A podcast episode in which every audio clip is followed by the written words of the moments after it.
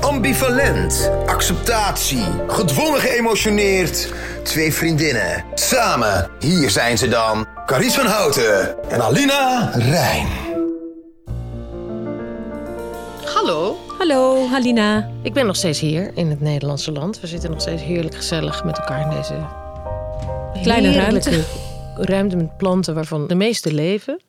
Dus Ja? dat is op zich mooi. Ja, nou, ik zie daar, dat, dat zijn meer bloemetjes die daar aan het sterven zijn. Maar ja, verder. Oh ja, dan kan je nog zien dat ze ooit geleefd hebben. Maar dit is volgens mij puur en alleen. Maar dat is, is dat geen echte plant? Aha, ski. Nou, zo zie je maar. En dat is een prachtige brug naar ons onderwerp. Namelijk, wat, Wat is echt en wat is nep? Je weet het niet.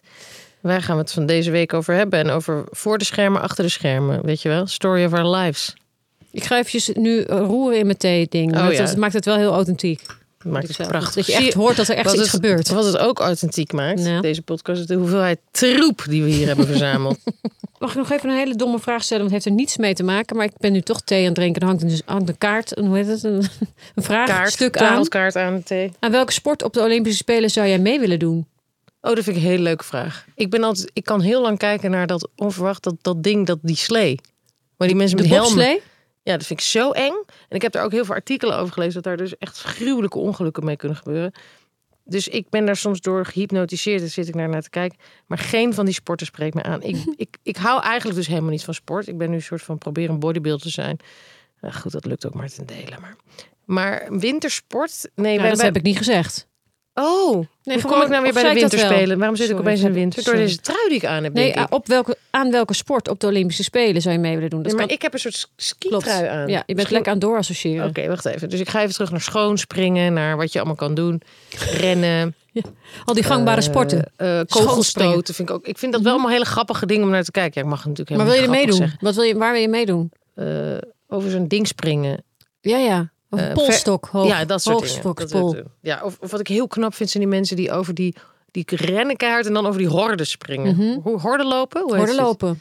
Nou, ik heb in ieder geval heel veel respect voor al die dingen, maar ik ga er zeker niet aan meedoen. Ik gek worden. Ben gek geworden. Terwijl er is zoveel vraag.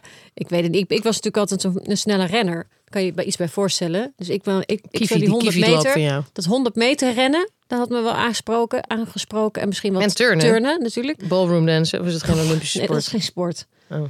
Nou ja, niet een Olympische sport volgens mij. Breakdansen sinds dit jaar. Echt? Yep. Echt waar. Wauw. Ik vind ook nog, we gaan het heus wel een keer hebben over achter de schermen. Want dat is eigenlijk ons thema. Maar, ehm, wij willen ook veel meer mannelijke luisteraars trekken. En eh, daarom gaan we nu dus ook eh, veel meer praten over voetbal. En ook over pol, pols, verspolspringen. En over Hoogsto speer, hoogstoot gooien. speerstoten en appelwerpen. Polo. Bananensplit. Oh, gaat Weet je nog bananensplit? Nee. Weet je niet meer? Oh nee, dat mocht je natuurlijk niet kijken. Nee, maar ik weet het wel, want ik was ook puber op een gegeven moment. Toen kon ik het wel kijken. Oh, maar- mijn ding zit ook helemaal niet Je lekker. hebt echt een kol aan. Ik heb een skitrui aan, omdat ik eh, wist dat het over de Olympische Spelen ging. Nee, totaal niet. Maar eh, wij willen graag weten hoeveel mannen luisteren naar ons, hoeveel vrouwen. Kunnen we dat allemaal laten checken, maar we willen jullie dat ons laten weten. Mensen die zich identificeren. Want we hebben het heel veel over hormonen gehad. Vinden mannen dat ook leuk, denk je? Zij hebben toch ook Nou, hormonen? ik mag, ze hebben er baat bij om dat allemaal te weten, lijkt mij. echt? I don't care. Ze hebben Nee, het maar leuk denk- te vinden. Nee, maar ik denk ook dat er heel veel eh, mannen ook helemaal niet begrijpen wat er gebeurt. Nee, en mannen schijnen ook een hele hormoonhuishouding, cyclus, whatever te hebben. Dus wat dat betreft voel je vooral, reken je vooral niet rijk als man. Denk vooral niet, oh, ik heb geen baarmoeder, nou, dan ben ik sowieso beter af. Ben je wel, want je hele leven, je hebt meer wel? voordelen. Je hebt, je hebt alles gewoon, je wordt als een koning. Je, je, denkt, je loopt rond, je denkt, ik mag er zijn. Zal ik eens zeggen waar ik heel veel moeite mee heb? Heel even, Ja. want nu loopt alles door elkaar heen, Ja, maar niet I don't care. Ehm, mannen Ja. die in het midden, dit heb ik volgens mij al een keer eerder gezegd, maar Ja. kan me ook niet schelen. Ja. We zitten nu bij Podimo, dus alles Podimo, zoals ze zelf zeggen. ja, vind ik ook. Ik denk steeds, het is ik Podimo hoor. Terwijl die mensen van Podimo. Podimo. zeker echt wel weten dat, hoe ze het moeten Nee, maar zeggen. kan alsjeblieft niet Podimo zeggen. Ja, dat vind ik ook heel moeilijk. Podimo. Anyway, wij maken ons eigen eh, potje ervan. Interpretatie. Brand. In, ons eigen brand van Podimo. Ik zeg ook appel, jij ook? Apel. heb een appel. Nee, ik zeg apel. Apple. Apple, telefoon. Do you know what I mean?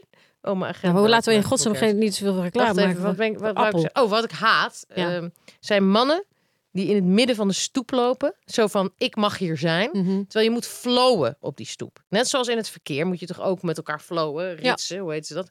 op een stoep wens ik ook, dat alle vrouwen trouwens doen. Alle vrouwen kijken voor zich uit, leven zich automatisch zonder zichzelf daar bewust van te zijn. In, plaatst zichzelf in de schoenen van die ander, zodat het goed doorloopt op de Ja. stoep. En iedereen, hoep, je gaat even aan de kant, je bent een, je bent een hinde, je bent Je bent een hinde. dan komt er zo'n vent aan. Die Ja. denkt gewoon, ik mag hier zijn. Ja, ik ben geboren. Ja, ik heb recht op leven. Ja, ik heb recht op ruimte. Gaan jullie allemaal maar aan de kant. Als ik dat nog één keer meemaak, ik sla je in je gezicht. Je gaat aan de kant. Vervelend sujet. Maar was jij dat ook dan? Want ik haal al die vrouwen door elkaar met wie ik podcasts doe. Eh, was jij die ene vrouw die dus inderdaad op de stoep een soort onderzoek had gedaan en dan zo lang, ver mogelijk, zo lang mogelijk naar een man toe lopen en dan kijken wie het eerst wegstapt. En dat zij zei, Nou, dat soort dingen mannen doe ik wel, maar- nooit weg. Nee, maar dat, ik weet niet of ik dat verhaal heb, maar dat doe ik wel, ja. Dan ga ik gewoon... En ze gaan niet aan de kant. Ze doen het niet. Ze doen het niet. Ze zijn... Oh my god. Echt. En ze lopen met uitgedraaide cowboyvoeten. En met grote armpartijen en schouderladen. En bierbuiken. In die, in die fotoshoot met die grote laarzen, Ja, zo, met die zo, sporen zo eraan. doen ze dat. Zo lopen ze rond. Zo net van Clint paard afgetrokken. eh, Dat je denkt, gast, ga. Het is jouw tijd niet meer. Aan de kant. Aan de fucking kant. Zullen we hier de rest van de tijd over praten? Ik heb wel het idee dat er een thema naar boven Ik komt. denk dat wat dit- gewoon, maar eh, dit is dus op- die woede waar we vorige week over hadden. Ja. Van die hormonen. Als ik dus die hormonen ga slikken, dan gaat die woede weg. Ja. Maar is dat Ja, dat weet ik niet. Nou ja. Nou, Een beetje woede vind ik ook wel leuk. Ja, maar die mannen niet. Die mannen luisteren zo nu. Eh, eh. Want ik begin die aflevering te zeggen, we willen meer mannelijke luisteraars. En vervolgens maak ik ze heel boos. En nu zijn ze Mhm. verdrietig en gekwetst. Denk je dat ze verdrietig en Weet je hoe moeilijk het is om een man te zijn op dit moment? Ja, niet makkelijk. Dan gaan ze allemaal luisteren naar Andrew Tate. Wat is dat voor een afschuwelijk Ja, maar monster? oh my god. Ja. En dan denken ze, oh, ik mag er wel zijn. Ik moet, ik moet... Oh, ik mag er wel zijn. Het zal vast een hele verwarrende tijd zijn voor, voor, ze de, denken, voor de ik mag niks meer, ik mag niks witte meer cisman. zeggen, ik mag niks meer zijn, ik mag niet meer aan de top staan. Ja, het is even wennen. Ik kan me best wel Ja, voorstellen. maar goed, uiteindelijk staan ze nog totaal aan de top en Ja, wij bedoel, totaal niet. Dus in die zin...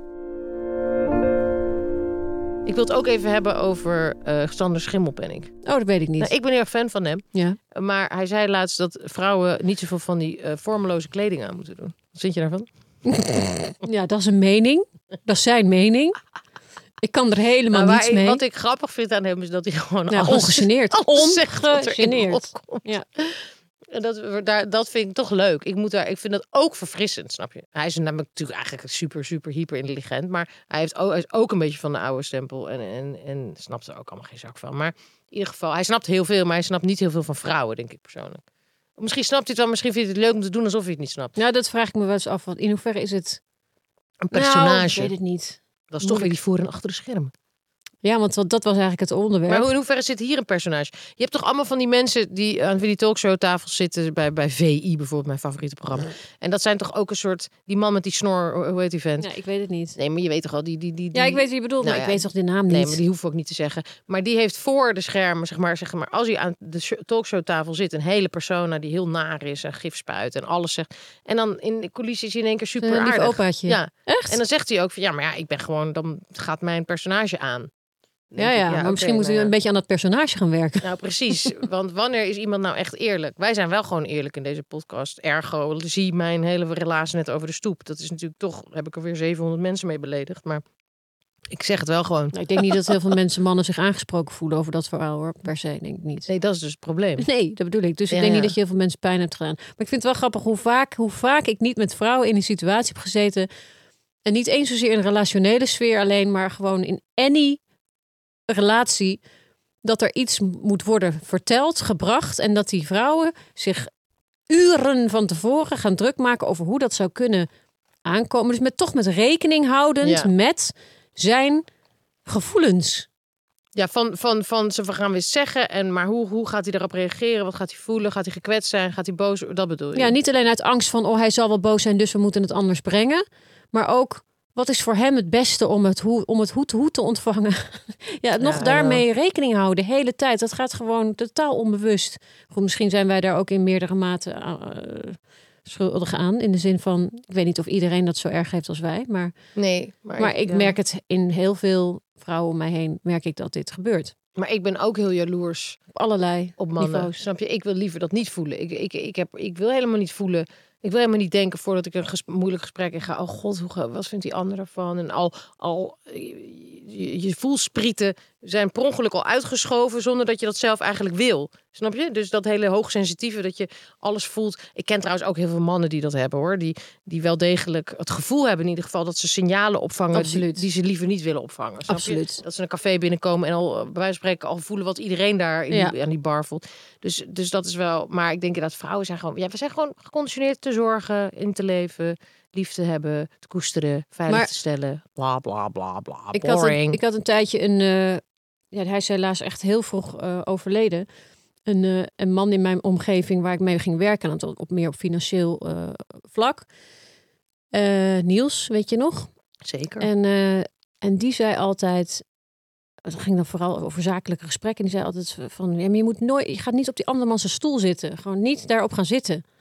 En toen dacht ik, ja, dat, dat zit, zit er niet eens op. En dat maakt natuurlijk onderhandelen heel veel makkelijker. Zo. Dat vond ik een toptip. Alleen, ja, super goede tip.